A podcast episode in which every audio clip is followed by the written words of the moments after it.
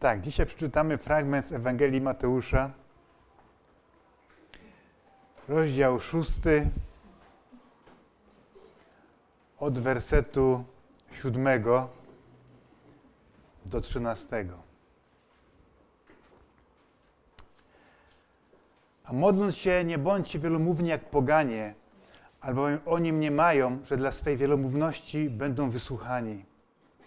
Nie bądźcie do nich podobni, gdyż wie Bóg, Ojciec Wasz, czego potrzebujecie przed tym, zanim Go poprosicie. A Wy tak się módlcie. Ojcze nasz, któryś jest w niebie, święcie imię Twoje, przyjdź królestwo Twoje, bądź wola Twoja jak w niebie, tak i na ziemi. Chleba naszego powszedniego daj nam dzisiaj i odpuść nam nasze winy, jakie my odpuszczamy naszym winowajcom. I nie wódź nas na pokuszenie, ale nas baw od złego. Albowiem Twoje jest królestwo i moc i chwała na wieki wieków. Amen. Chyba wszyscy znamy ten, akurat ten fragment Biblii doskonale. Nie wiem, czy kiedyś się nad tym zastanawialiście, dlaczego akurat ta modlitwa wygląda w ten sposób. Dlaczego padają takie słowa? Dlaczego Pan Jezus uczył takie modlitwy? Przecież ona mogła wyglądać zupełnie inaczej. Mogły, mogły, mogły tam być słowa, które jakieś wołanie o moc, o siłę, o władzę nad poganami, o władzę nad niewierzącymi. A jednak właśnie wygląda tak. Zawiera takie myśli i takie słowa. Pan Jezus mówi: Nie bądźcie wielomówni jak poganie, jak, jak wszystkie ludy. Po prostu swoją wielomównością nie zmusicie Boga do działania, do tego, by was wysłuchał. To znaczy, że ta modlitwa pańska zawiera wszystko, czego potrzebujemy w naszym życiu, co jest potrzebne do życia w takiej świętości, czego potrzebują ludzie, którzy należą do Boga. Ojcze nasz, który jesteś w niebie. To znaczy, że chociaż Bóg zna nasze wszystkie potrzeby, wie, że musimy chodzić do szkoły, potrzebujemy kredki, długopisy, teraz i, i nawet komputery, że musimy zdobyć wykształcenie, że musimy mieć pracę, by zapracować na swoje życie. I on nas to wszystko zaopatruje, ale jednak jest tym, który będąc święty, przebywa w takiej niebiańskiej atmosferze pełnej świętości, czystości, nieskazitelności, sprawiedliwości, światłości, nieśmiertelności. I jego priorytetem są te wszystkie niebiańskie sprawy, to, co dziedziczy wieczność. Pan Jezus mówi do swoich rodziców, dlaczego mnie szukaliście? Nie widzieliście, że w tym, co Ojca mojego jakbyś, jakbyś muszę? To jest właśnie odpowiedź na pytanie, gdzie szukać Jezusa, w jakim miejscu przebudzenia, w jakim miejscu cudów, objawień. No, tam, gdzie jest Ojciec, bo są jedno. I chociaż Pan Jezus był na tej ziemi, był w ciele, to wiedział, że musi być w tym, co należy do Jego Ojca. Poza tym, gdzie Bóg jest Ojcem, który jest wierny. Pan miał 70 uczniów. Pewnego dnia wielu go opuściło. No ale miał jeszcze 12 apostołów. No ale jeden go sprzedał za cenę niewolnika, a pozostali go opuścili w najtrudniejszej chwili jego życia. Ale Pan Jezus mówi, nie jestem sam, bo ze mną jest Ojciec, który jest w niebie. Wiecie, niektórzy ludzie od początku mają podgórkę w swoim życiu, bo albo ich ojciec opuścił, albo musieli przed nim uciekać, bo się awanturował, kiedy przychodził pijany, albo głodowali, bo ojciec przepił wszystkie pieniądze. Czyli tacy ludzie mają taki obraz Boga, Ojca. I ten, oj, ten obraz się wlecze za nimi całe życie. I Bóg w mówi do nas, do każdego z nas, pamiętaj, że masz jeszcze Ojca w niebie, który ma taki właśnie niebiański charakter, który cię nie opuści i cię nie zawiedzie, który widzi cię o każdej porze dnia i nocy i jest dostępny o każdej porze dnia i nocy. Nie śpi, nie męczy się nie ustaje, który jest prawdomówny i wierny swojej miłości do Ciebie. na którym się nie zawiedziesz, który w swojej mocy był w stanie przeprowadzić cały naród izraelski przez pustynię. Tak ogromną ilość ludzi. Był w stanie ich wszystkich ochronić. Karmił ich i leczył. I każdego z nich znał po imieniu. Takiego Ojca masz w niebie. Święcie imię Twoje. Pamiętam z czasów PRL-u takie hasło niech się święci 1 maja. Czyli niech będzie uwielbiony, wywyższony ten dzień i to wszystko, co się z tym dniem wiązało. Gdzie uczyniono świętość czegoś, co nie mieszka w niebie, ale ma czysto ziemski charakter na tej ziemi pozostanie na zawsze. Ten świat nigdy nie będzie uważał Boga za świętego, bo będzie miał swoje świętości w tym swoim życiu. I chodzi o to, by dla Kościoła Bóg był tak samo święty przez całe życie. Tak go przejęliśmy świętym w dniu naszego nawrócenia, Nowego Narodzenia. Takim niech pozostanie do ostatniej chwili naszego życia na tej ziemi. A że różnie może być, to świadczy o tym historia Izraela, Bożego Świętego Ludu. I Bóg tak często im przypominał, bądźcie świętymi, bo ja, wasz Bóg, jestem święty. Czyli nie dotykajcie tego, czego ja bym nigdy nie dotknął. Niech to wszystko nie będzie miało udziału w waszym życiu. I Bóg mówi do Izraela, nie pożądajcie złota i srebra, które jest na pogańskich bóstwach. Nie przynoś tego w ogóle do swojego domu, bo jest to dla mnie obrzydliwością. I apostoł Piotr to samo przypomina Kościołowi, czyli ludziom, którzy żyją już w Nowym Przymierzu. I cóż z tego, że jest Nowe Przymierze, ale Bóg jest ciągle tak samo święty. I tak samo jest zazdrosny o swoją świętość. No I Piotr pisze, za przykładem świętego, który was powołał, bądźcie świętymi we wszelkim postępowaniu. No bo jak ma inaczej się święcić imię Boga, jeśli nie w Kościele i nie przez Kościół? W liście do Koryntian Paweł pisze, że ciała wasze są świątynią Ducha Bożego. I, I to imię powinno być uświęcone. Wiecie, kiedyś Bóg umieścił swoje święte imię w przybytku, w świątyni jerozolimskiej, tak teraz umieścił je w Kościele. I Kościół, i ono ma być uświęcone, uwielbione poprzez Kościół. Nie możemy w tym ciele budować sobie jakichś pogańskich ołtarzy dla obcych pogańskich bóstw. Więc objawienia na koniec czytamy, kto święty, niech nadal się uświęca. A uświęcenie to jest zastąpienie jednego życia drugim życiem, innym życiem, życiem, które pochodzi od Boga, którego źródłem jest, jest Bóg. I tylko w takim życiu może być uświęcone to imię Boga.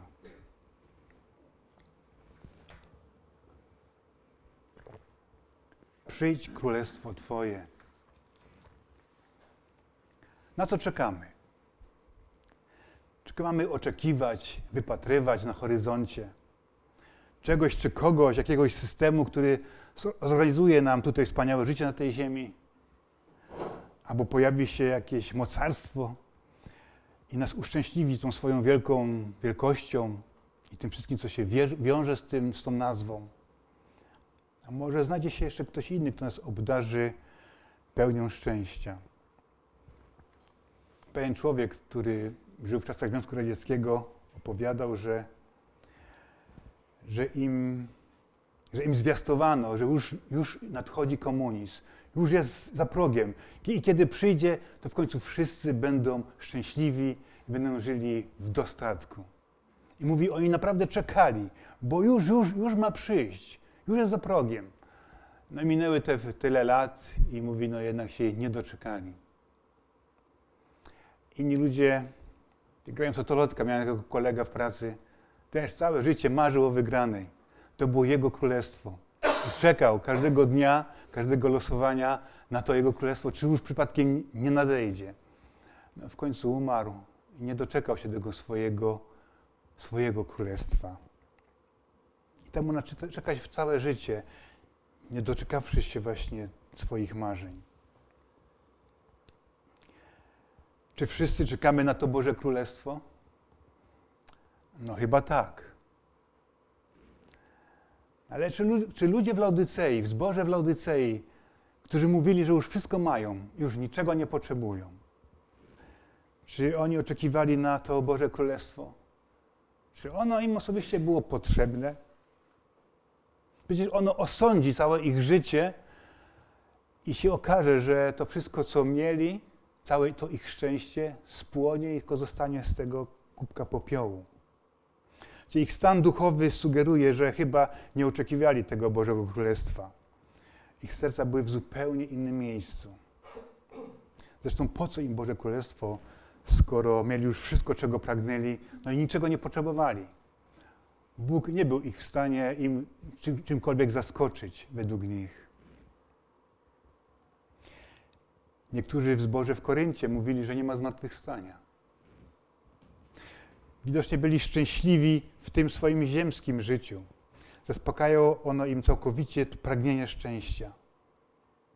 I nie potrzebowali tego Bożego Królestwa wraz z Jezusem, który przecież powiedział, że kto pragnie, nie przychodzi do mnie.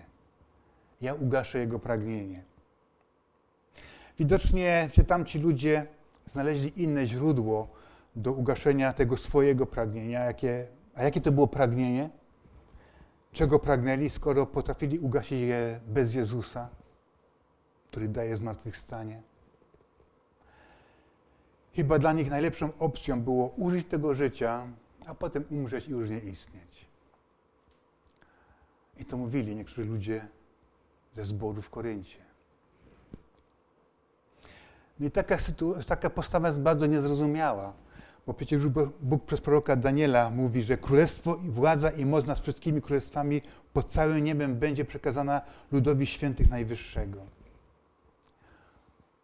Bóg mówi, dam, mam, dam wam całą władzę nad narodami, nad, nad tymi wszystkimi królestwami. Ona jest przygotowana dla was. A my na co czekamy dzisiaj?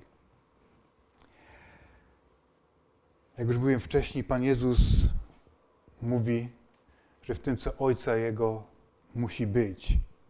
Nie, że będzie tam kiedyś, za miesiąc, za dwa, trzy lata, może za dziesięć lat, jak się trochę czasu zwolni, ale że teraz musi być. I można sobie zadać pytanie, dlaczego Józef i Maria tyle czasu go szukali gdzieś tam w różnych zakątkach, a nie pomyśleli o tym, że ten, który narodził się z Ducha Świętego, powinien być w świątyni swojego Ojca. I Kościół też powinien codziennie być w tym Królestwie Bożym, przebywać w świątyni swojego Ojca. Pomimo, że jesteśmy na tej ziemi jeszcze, że żyjemy tu, w tym świecie, bo jak wiecie, że to Boże Królestwo to nie jest pokarm i napój, ale, ale to jest sprawiedliwość, pokój i radość w Duchu Świętym. No i czytamy, że kiedyś Pan Jezus się rozradował w Duchu Świętym. To Duch Święty przynosił do jego życia, do jego serca radość. Duch Boży, a nie duch tego świata i jego zabawki.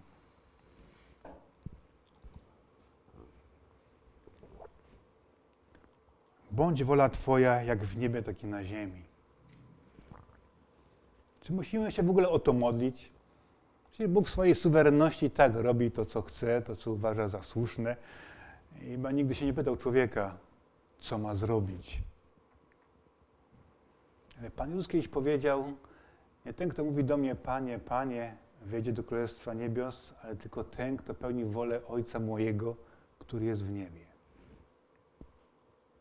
Więc nie może być tak, że Bóg coś ustalił w niebie odnośnie naszego życia, a człowiek na ziemi będzie realizował i tak swoją wolę, swoje plany.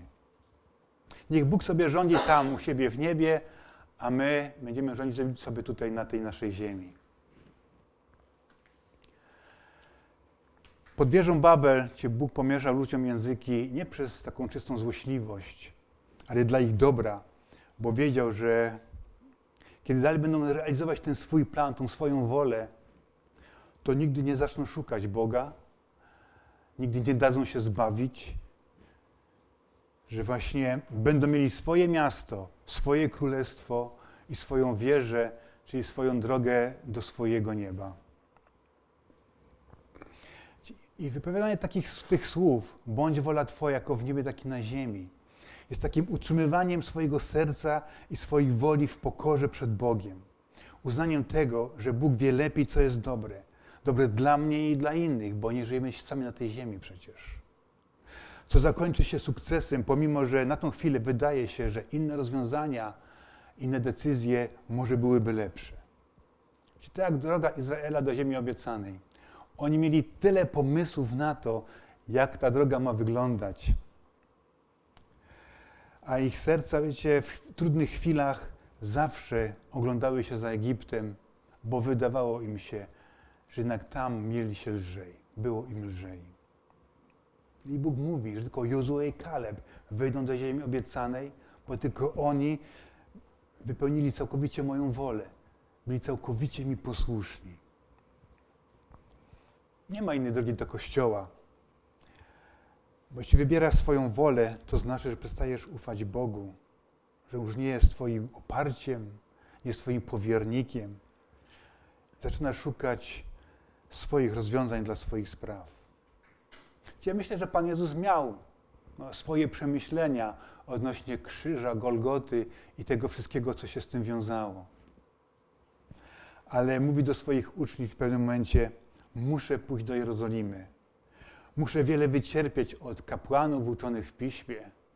Muszę być zabity, a potem zmartwychwstać. Pan Jezus zrobił wiele rzeczy, bo wiedział, że tak musi być. Bo tak, taka była decyzja Jego Ojca w niebie. I to się musi wypełnić. Słowo Boga, które stało się ciałem, całkowicie kontrolowało Jego myśli i nie pozwoliło na to, by nie stała się wola Ojca. Ta Boża wola musi również być w centrum uwagi Jego uczniów. Ta Boża wola, która rządzi w niebie, również musi rządzić tu na ziemi. Wiecie, poza tym w okręgach niebieskich są jeszcze inne duchy, inne moce. I one mogą nami rządzić. Możemy swoimi decyzjami dopuszczać do swojego życia bo klamka od tej furtki jest po naszej stronie. I musimy decydować się na to, czyją wolę chcemy wypełniać. Zresztą Paweł pisze do Efezjan, aby teraz nadziemskie władze i zwierzchności w okręgach niebieskich poznały przez Kościół różnorodną mądrość Bożą. A jak mają poznać, jeśli Kościół nie będzie w pełni akceptował woli swojego Boga?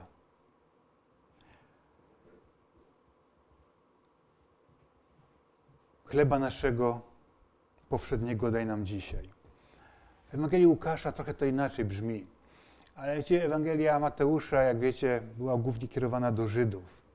I każdy Żyd doskonale wiedział, że, że ich przodkowie, którzy szli do ziemi obiecanej, musieli każdego dnia zbierać chleb, każdego dnia zbierać mannę.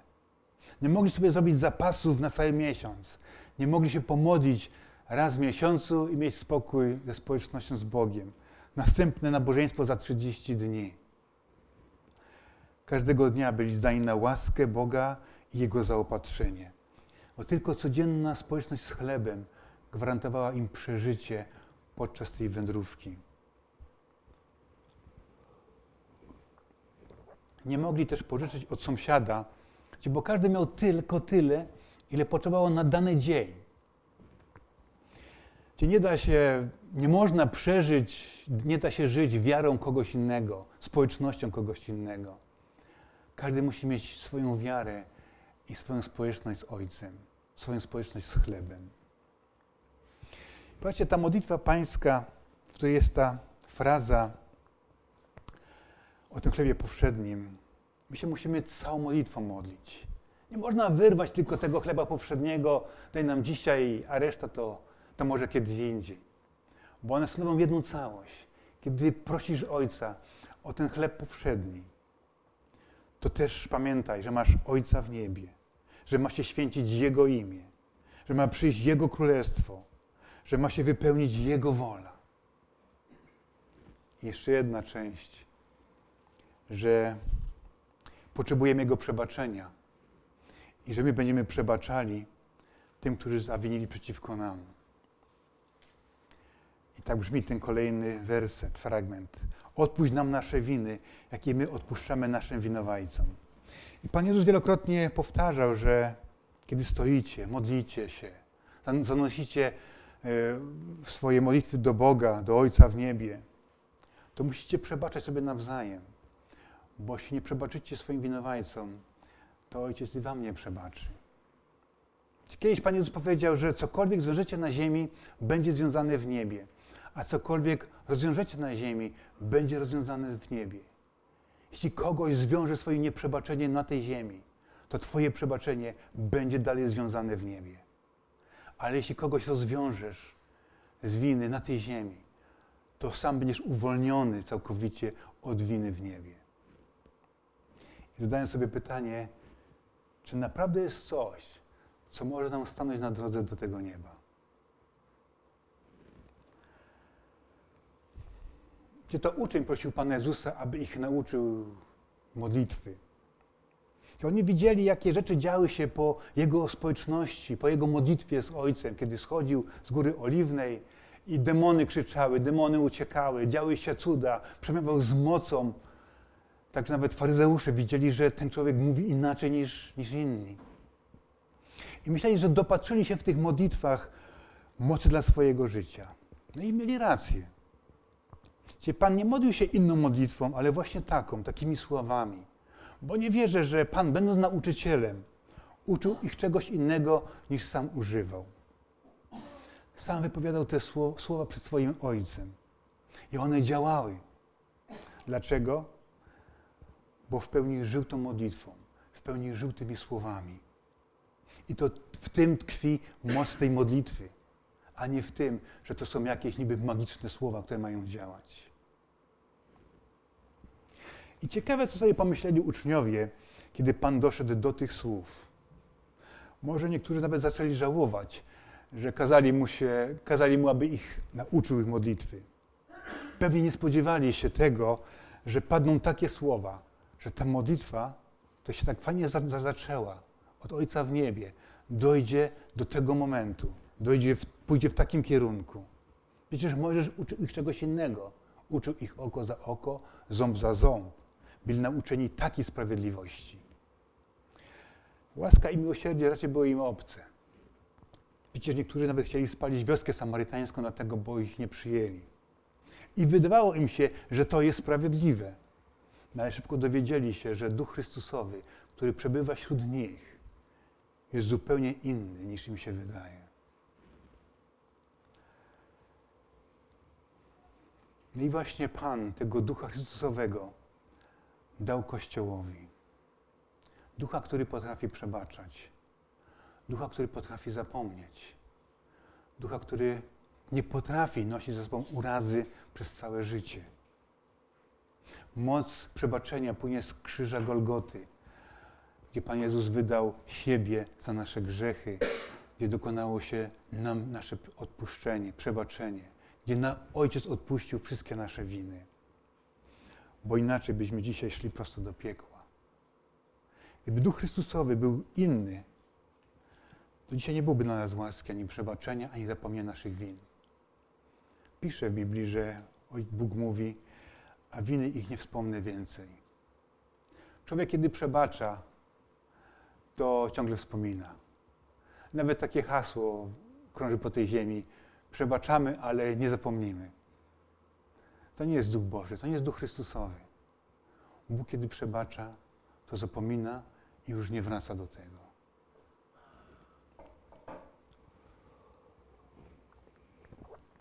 Nie bój nas na pokuszenie, ale nas zbaw od złego. W Grece tak to brzmi. Wyszukałem w Grece.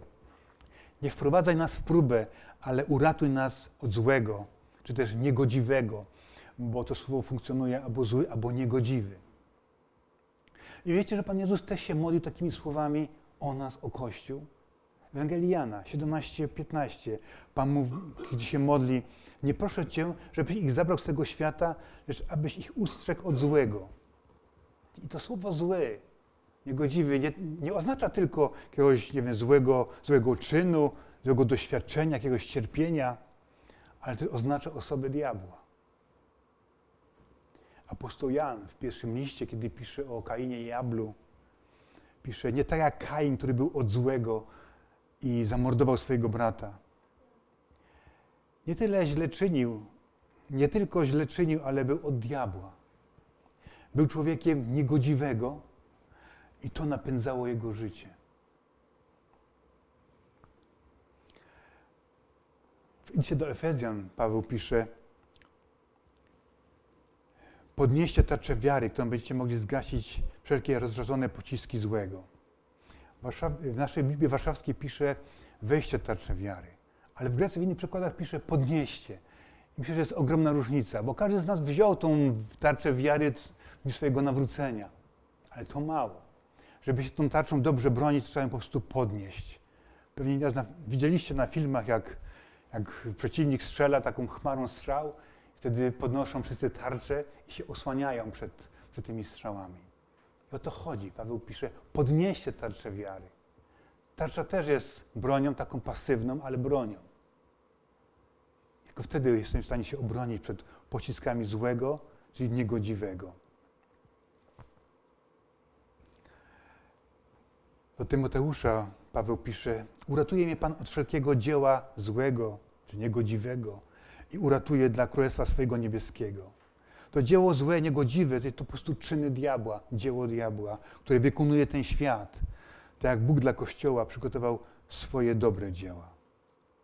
Widzicie, apostoł Paweł do Koryntian w drugim liście pisze, że modli się o nich, aby nie czynili nic złego. Taka dziwna, ale prosta modlitwa. Modli się, aby nie czynili nic złego. No ale ja się nie dziwię, skoro w tym zborze dochodziło do takich niegodziwych rzeczy, gdzie rzeczywiście wielu żyło w grzechu. Tylko Bóg był w stanie zatrzymać ich w tym diabelskim dziele, bo też Pan przyszedł po to, by zniweczyć, by zniweczyć dzieła diabelskie. Albowiem Twoje jest królestwo i moc i chwała na wieki wieków. Amen. Wszystko, co się modlimy, jest poddane Bożemu Królestwu i Jego mocy. I mamy dzięki Jego królowaniu, Jego panowaniu. I to wszystko jest dla Jego chwały, a nie dla naszej chwały. Po to, by Bóg sobie na koniec odebrał właśnie tą chwałę ze wszystkiego. Bo to On jest zwycięzcą i On trwa na wieki. Gdzie wszystkie inne królestwa, panowania i moce, które rzeczywiście mogą na pewien czas osiągnąć jakąś siłę, jakąś przewagę polityczną, gospodarczą, militarną, one w końcu giną i znikają na zawsze. I tak tak Bóg pokazał Danielowi, czy królowi babilońskiemu, ten posąg, który był ze złota, ze srebra, z miedzi, z żelaza i z gliny. I potem oderwał się taki kamień, czy ogromna skała i uderzyła w ten posąg i, i on się rozleciał na kawałki. I ta góra, i ta, i ta skała wypełniła ziemię i stała się wielką górą. Ten kamień oczywiście to Boże Królestwo i Królestwo Chrystusowe, które na koniec pogrąży wszystkie inne władze i moce i zwierzchności, a samo obejmie panowanie, królowanie na wieki. I nam będzie przekazana ta, to królestwo i władza i moc tym, którzy są świętymi Najwyższego. Amen.